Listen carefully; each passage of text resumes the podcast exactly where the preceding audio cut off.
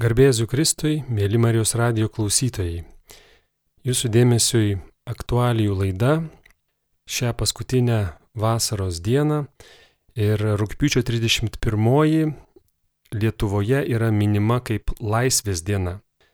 1993 metais rūpiučio 31 dieną paskutinis Rusijos armijos karinis ešalonas paliko Lietuvos teritoriją ir nebeliko svetimos kariuomenės mūsų šalyje. Ir šioje laidoje apie Laisvės dieną, jos reikšmę Lietuvos valstybei dalinsis, kalbės laidos svečias, disidentas, du kart politinis kalinys, gerbiamas Petras Plumpa. Garbėsiu Kristui. Per amžius. Nuo pat vaikystės aš dalyvavau arba buvau liudininkas tos kovos, kurią metė mūsų tautiečiai, partizanai, laisvės kovų, tai už Lietuvos laisvę.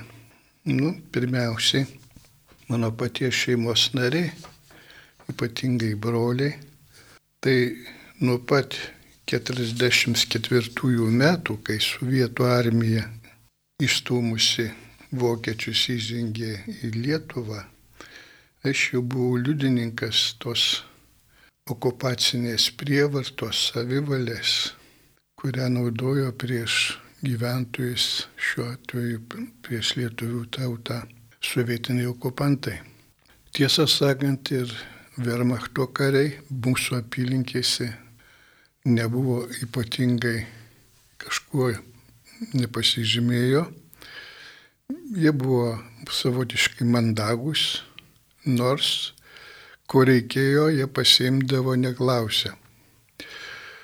Na, o sovietiniai jau kareiviai ir karininkai ir vadovai jau elgėsi visai kitaip. Blogiausia buvo tai, kad vokiečiai neėmė į kariuomenę Lietuvos jaunimo, į Vermachtą per prievartą, Tuo tarpu sovietai atėję pradėjo iš karto mobilizuoti į kariuomenę ir siūsti į Kuršą frontą. Tai vien tik iš apylinkės mūsų netoli 30 jaunų vyrų paėmė ten ir dauguma jų žuvo, tapo invalidais. Kiti išėjo į miškus partizanauti. Nusprendė nekovoti už Sovietų imperijos interesus. Kiti išėjo į stribus, skrebais vadinamus mūsų krašte Rogiškio apylinkėse. Skrebai tai yra nuo rusiško žodžio įstrebiteliai, naikintojai, kurie naikino, reiškia vietos gyventojus, besiprienašinančius sovietiniai santvarkai ir valdžiai. Na tai kelios grupės tauta susiskaldė. Na mano broliai buvo paimti į kariuomenę, bet jie nusprendė pabėgti ir išeiti į partizanus. Vienam broliui pavyko pabėgti, o kitas nesuspėjo ir jis pateko į vokiečių nelaisvę. Ir ten prabuvo Liepojos fronto teritorijoje iki pat karo pabaigos. Po to sugrįžo į Lietuvą ir jau Lietuvoje po 50 metų buvo suimtas ir už soviet, antisovietinę agitaciją nuteistas dešimčiai metų. Nu, brolis partizanas per išdavystę pateko į sovietų nelaisvę. Buvo išduoti, reiškia, vienos gyventojos. Tai kova brolių kadangi kai bu, jie buvo suimti, buvo ištrimti į Sibirą, tame tarp ir tėvas. Šitas persikiojimas, o be to nuolatinės kratos, apvaginėjimas paliko labai slogų įspūdį ir aš visą laiką jaučiau įsijungti į kovą, kai suauksiu prieš sovietų valdžią. Tai mokykloje mes jau pradėjome organizuoti grupelę leisti laikraštėlį Laisvės balsas, tai buvo Pandėlio vidurinės mokyklos moksleivių leidinys. Na, buvo išaiškinta, kai, jie pašalinti iš mokyklos. Tada mes išvažinėjom po Lietuvos miestus į Kauną, Vilnių, Klaipėdą, Šiaulius. Bet Kaunė vėl susirinkom 57 metais ir dalyvavom Kauno vėlinėse. Vėlinės tuo metu buvo Vengrijos revoliucijos sukilimo tasa. Vengrai 56 metais sukilo prieš sovietų armiją ir kovojo gal porą savaičių ir buvo sutriuškinti, bet ir Lietuvoje aidas tų demonstracijų persidavė ir Kauno kapinėse buvo kelių tūkstančių demonstracijų jaunimo. 57 metais taip pat ir mes dalyvavom jaunimas iš mūsų krašto, iš Rokiškio krašto. Na ir toje įtakoje nusprendėm sukurti organizaciją Laisvė Lietuvai ir platinti lapelius, ruoštis ateinančiai kovai su sovietinė valdžia, nes tikėjom, kad anksčiau ir vėliau sukils kitos tautos, kad padės vakarų pasaulis, ypatingai Amerikai ir Didžioji Britanija. Na ir reikėjo jau dabar ruoštis tai kovai. 58 7 rudenį davėm priesaiką kovoti už Lietuvos laisvę ir nepriklausomybę. 58 vasario 16 iškėlėm trispalvės vėliavas Kaune ant Petrašiūnų kameno elektrinės 80 m aukštyje, kad būtų aukščiau už visas sovietinės vėliavas iškeltas Lietuvoje. Taip pat Vilniuje buvo prie Olandų gatvės iškelta trispalvė moksleivių technikumo mūsų organizacijos nariai. Tačiau irgi per išdavystę vienas moters, kuri aptiko lapelis kišenėje dukros, pranešė saugumą ir mūsų ta grupė buvo išaiškinta ir patekom į Morliovijos lagerius, merginos į Sibirą įsiūstos buvo. Ir tenai galvojam susitiksim su patriotais, stipriai besipriešinančiais valdžiai, netgi nelaisvės sąlygomis. Bet tikrumoje to nebuvo, nes patekę į lagerių žmonės buvo jau fiziškai, psichologiškai suluošinti ir idėjiškai nebeturėjo pagrindo nebetikėjo vakarų pagalba, todėl beliko tik tai laukti bausmės pabaigos ir grįžti į Lietuvą, jeigu bus galima. Kuriems buvo leidžiama, sugrįžo, kuriems neleidžiama, tie liko arba Sibirė, arba į kitas respublikas patraukė, į karaliaučių sritį arba į Latviją. Nu, mes jaunimas, pavyzdžiui, ieškojom išeities. Bet irgi tos išeities nebuvo, nebuvo ideologų, kurie ruoštų jaunimą ateities kovai, būsimai Lietuvai. Perspektyvos nesimatė. Man asmeniškai paliko įspūdį stiprų būtent religinė praktika.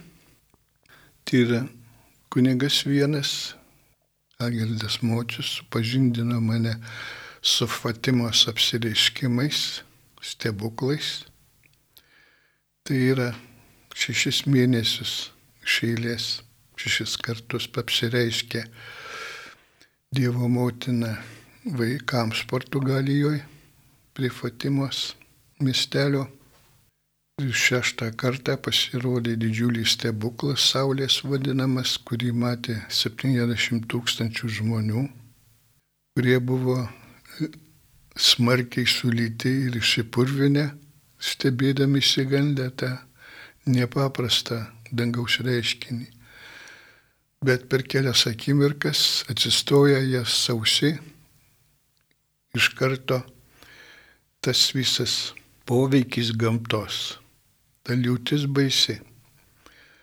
Viskas išnyko per akimirką, tai buvo ženklas jiems, kad dangaus galybės yra didžiulės ir kad reikėtų pasipriešinti galima su dangaus pagalba, nes tuo metu Portugalijoje padėtis buvo sunku, kad net dvasinių požiūrių, religinių labai stiprios buvo ateistinės organizacijos, komunistinės, kairiusios ir valdžioje buvo masonerija. Tai šitas stebuklas padarė didžiulį labai įspūdį ir prasidėjo atgimimas dvasinis atgimimas Portugalijoje. Na tai, man tas paliko įspūdį, paskiau įsijungėm, sukūrėm tokią grupę katalikų atsivertusių įvairių tautybių. Tai buvo lietuvis, tai buvo rusas, žydas, latvis, gruzinas. Jie visi buvę ateistai lagerį atsivertė, įtakoja kai kurių kunigų. Ir jie susirinkdavo kas vakarą maldai. Na ir aš jų tarpą patekau ir jų poveikį labai sustiprėjo tikėjimas. Tai pasidarė kaip perspektyva ateičiai, kaip vizija, kaip tautos įsigelbėjimo priemonė, jeigu taip galima vadinti, dangišką dvasinę pagalbą. Na tai, grįžęs į Lietuvą po septynių metų bausmės, kuri pirmą kartą man davė už trispalvės iškelimą, už dalyvavimą organizacijoje, už priesaiką, reiškia grįžęs į Lietuvą, įsijungiau jau į nelegalią veiklą krikščioniškos spaudos platinimą su kai kuriais kunigais, ypatingai Sirikytų Tamkevičiu. Įsijungiau į kronikos leidybą, informacijos teikimą užsieniui per Maskvos disidentus. Maskvoje aš turėjau pažįstamų iš lagerių, kurie atsidėję bausmes Mordovijos lageriuose sugrįžo į Maskvą ir Jie užmesgė ryšį su diplomatais ir žurnalistais ir pavyko perduoti informaciją apie Lietuvos bažnyčios krikščionių padėtį, disidentinį padėtį, perduoti į užsienį. Buvo Lietuvoje surinktas 17 tūkstančių parašų memorandumas toks, reiškia kreipimasis į Brežnevą generalinį sekretorių kompartijos Maskvos. Bet perdavėm tą pareiškimą su 17 tūkstančių parašų suvienitų nacijų organizacijos generaliniam sekretoriui Valkaimui Kurtui su prašymu, kad jis perduotų Brežnevui kadangi visi pareiškimai, kurie iš Lietuvos eidavo į Maskvą, jie būdavo konfiskuojami saugumo KGB. Na ir tas pareiškimas, memorandumas su, su parašais pasiekė vakarus ir informacijos priemonės. 73 metais, antrais dar metais paskelbė visam pasauliui. Tai buvo jau labai stipri moralinė parama. Po to pradėjo eiti reguliariai kronika, tai yra leidinys, kuris įvykius fiksuodavo žmogaus teisų pažeidimų.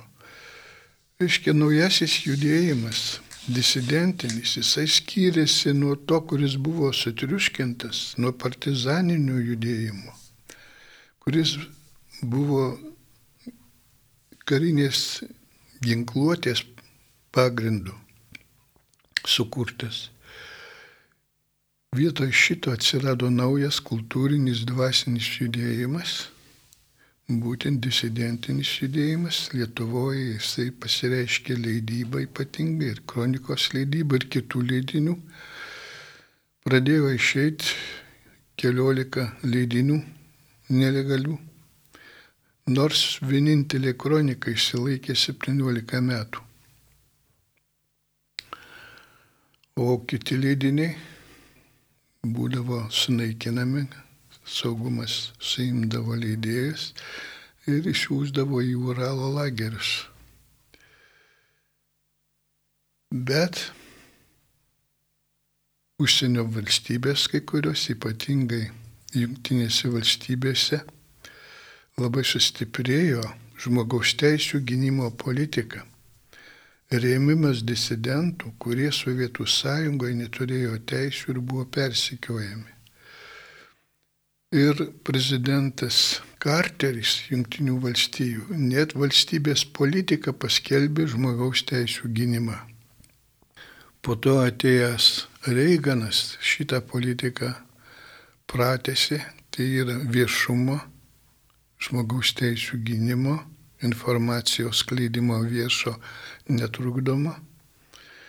Rusų kalba tai buvo vadinama glasinost ir Gorbačiovas būtent tą palaikė ir paremė. Bet dabar, kas galėjo visą šitą procesą inicijuoti ir sustiprinti? Aš pavyzdžiui nežinojau, kokia bus galutinė eiga šito proceso, bet aš tikėjau, kad išlaisvinimas, komunizmo žlugimas yra neišvengiamas. Todėl aš ir įsijungiau, pavyzdžiui, antrą kartą į pogrindinę veiklą, nelegalią veiklą, žinodamas, kad tai yra laikinas dalykas ir kad komunizmas ilgai negali užtrukti. Kodėl? Fatimos apsireiškimuose apie tai buvo kalbama. Ir Fatimos apsireiškimuose buvo raginama žmonėms sudėti viltį į Dievą ir dėti pastangas dėl moralinio atsivertimo per maldą, per vienybę.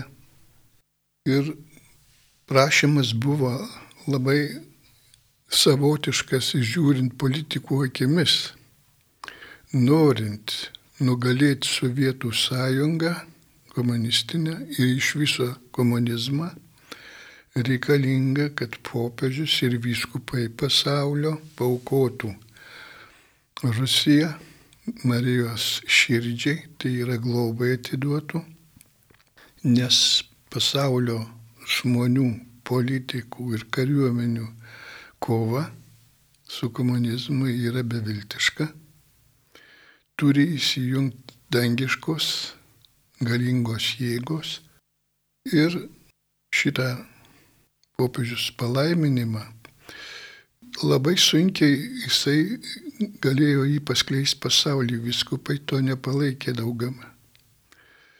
Ir tik tai gal 42 metais pavyko privačiai popiežiui tą atlikti aktą. Ir Fatimai buvo įspėjimas, kad jeigu nebus to atlikta paukojimo, tai kils pasaulinis karas. Ir iš tiesų taip ir įvyko. Tas aukojimas buvo neatliktas ir karas kilo. Tai buvo netgi įspėta, kad gali būti sunaikinta keletą tautų. Tai sovietmečiu Lietuvoje Niekas, pavyzdžiui, apie tai nežinojo, apie tą Fatimos apsireiškimą.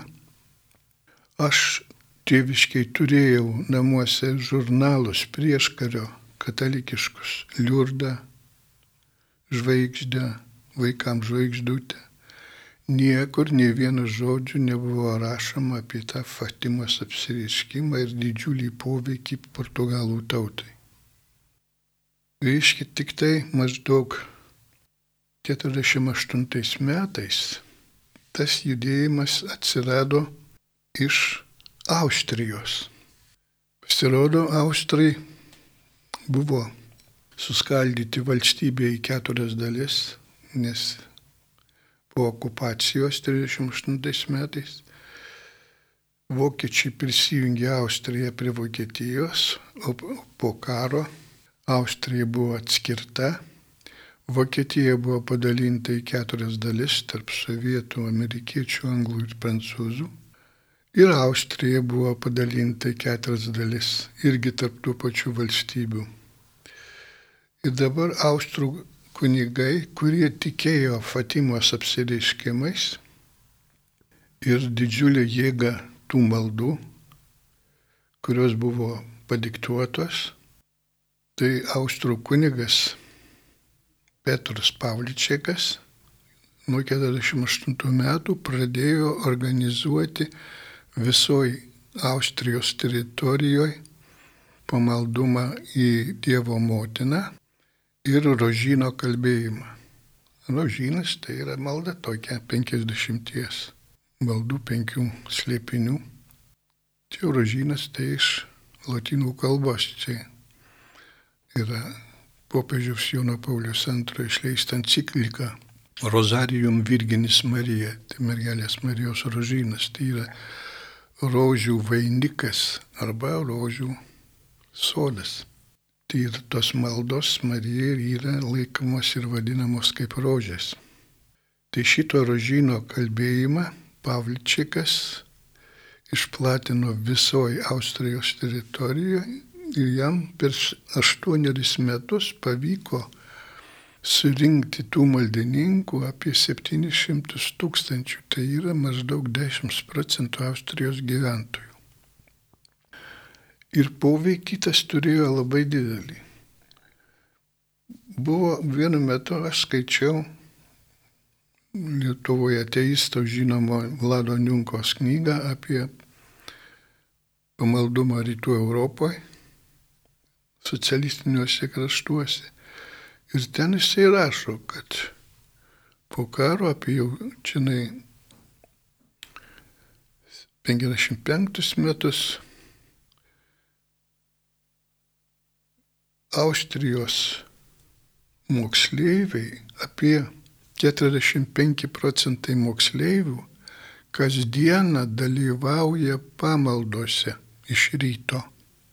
Na, iš ryto todėl, kad tuo metu pagal senąją liturgiją Pamaldos buvo todėl iš ryto, kad pasniką galėtų žmonės išlaikyti iš vakaro 12 valandų ir tada dalyvauti pamaldose.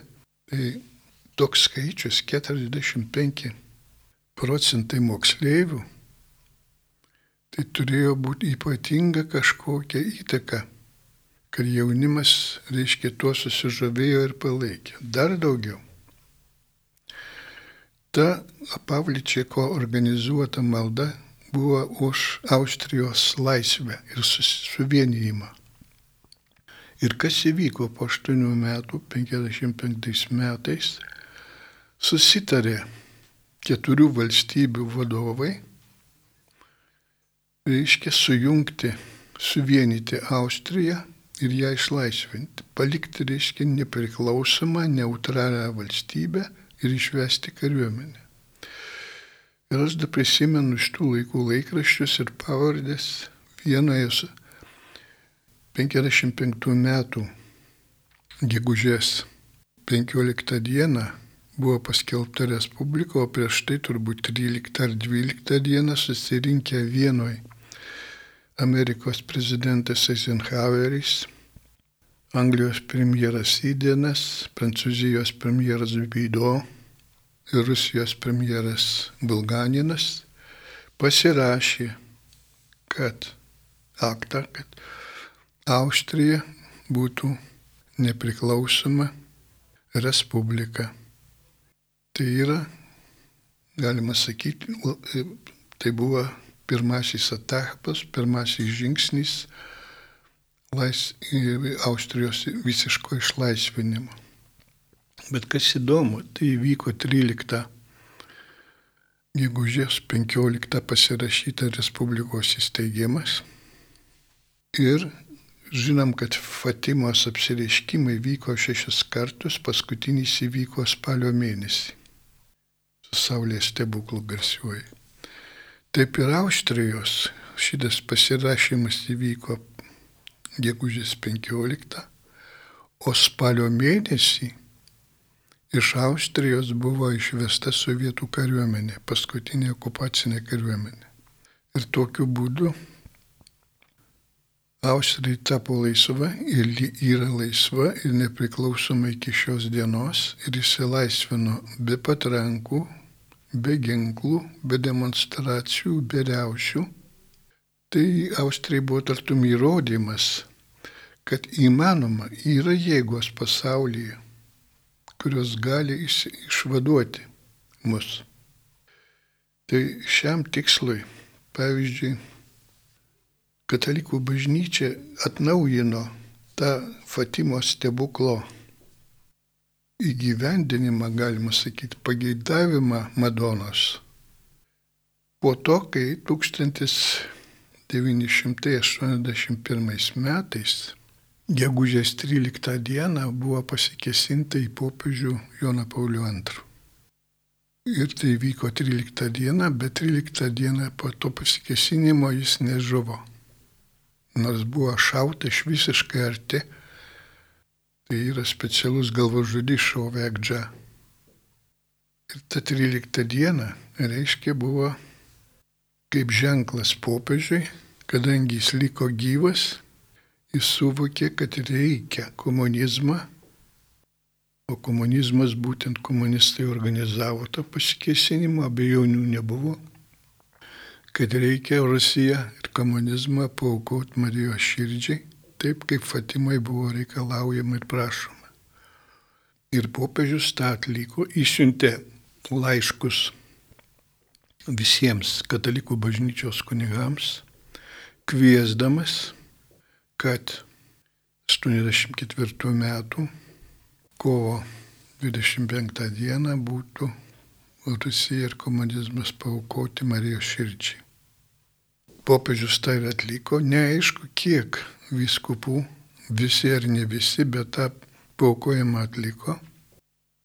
Būtent kovo 25 dieną, kuri yra Marijos aplankimo diena. Mes žinom, kad yra tokia rožino paslaptis, paskutinė ir pirmutinė, susijęta būtent su Marijos gyvenimu tai viešpaties angelas apreiškė Marijai, yra tokia viena paslaptis ir ji būtent kovo 25 dieną. Tai yra Marijos šventė. Ir kas įvyko?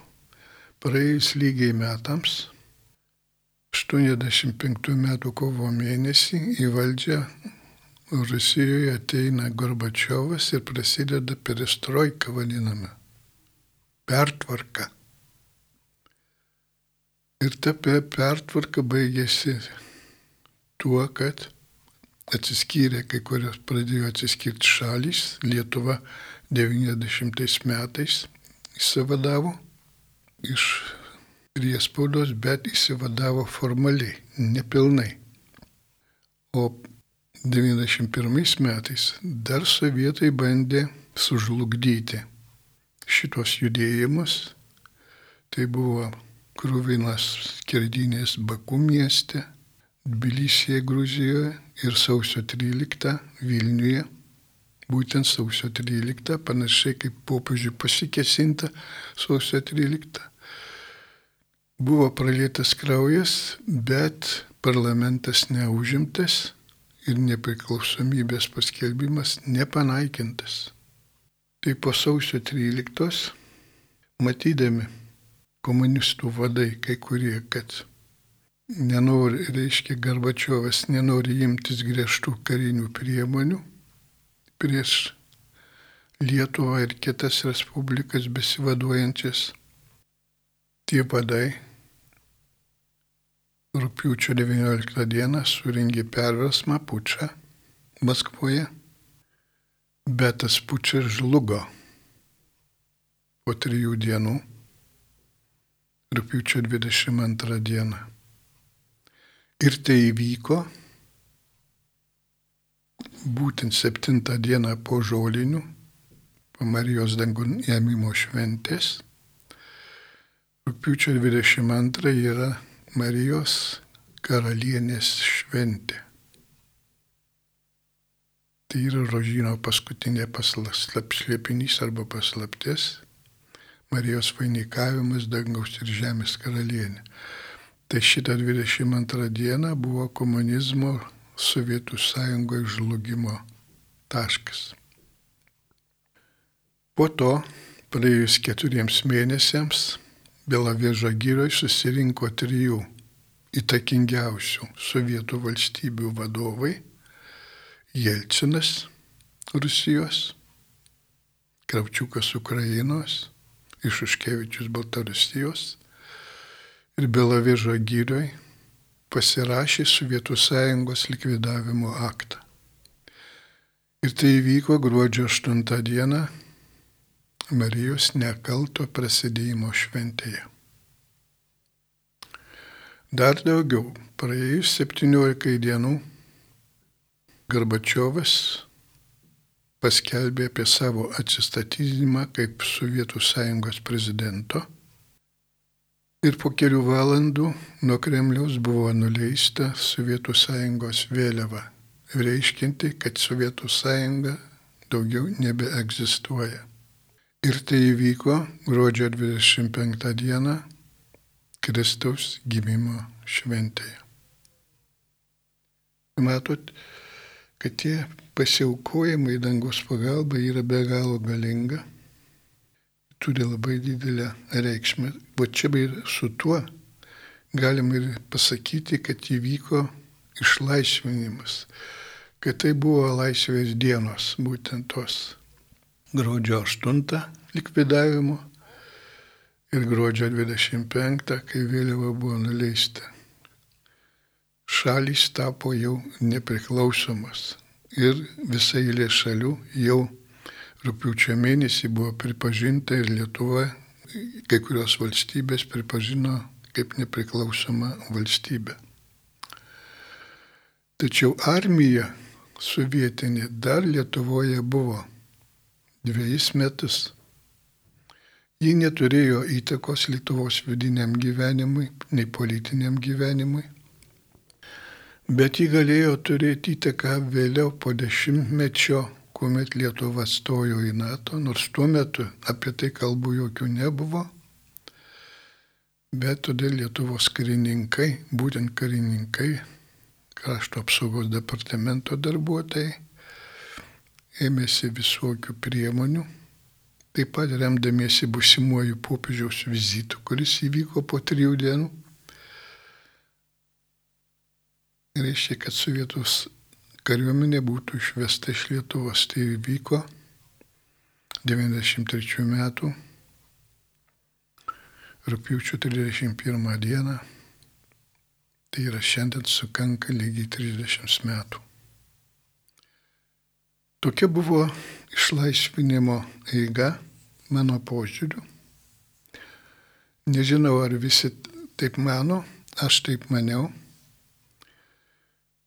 Nuo pat vaikystės kelias į šitą laisvę ėjo būtent tokiu, per dangaus pagalbą, per bendradarbiavimą su šventaisiais dangaus.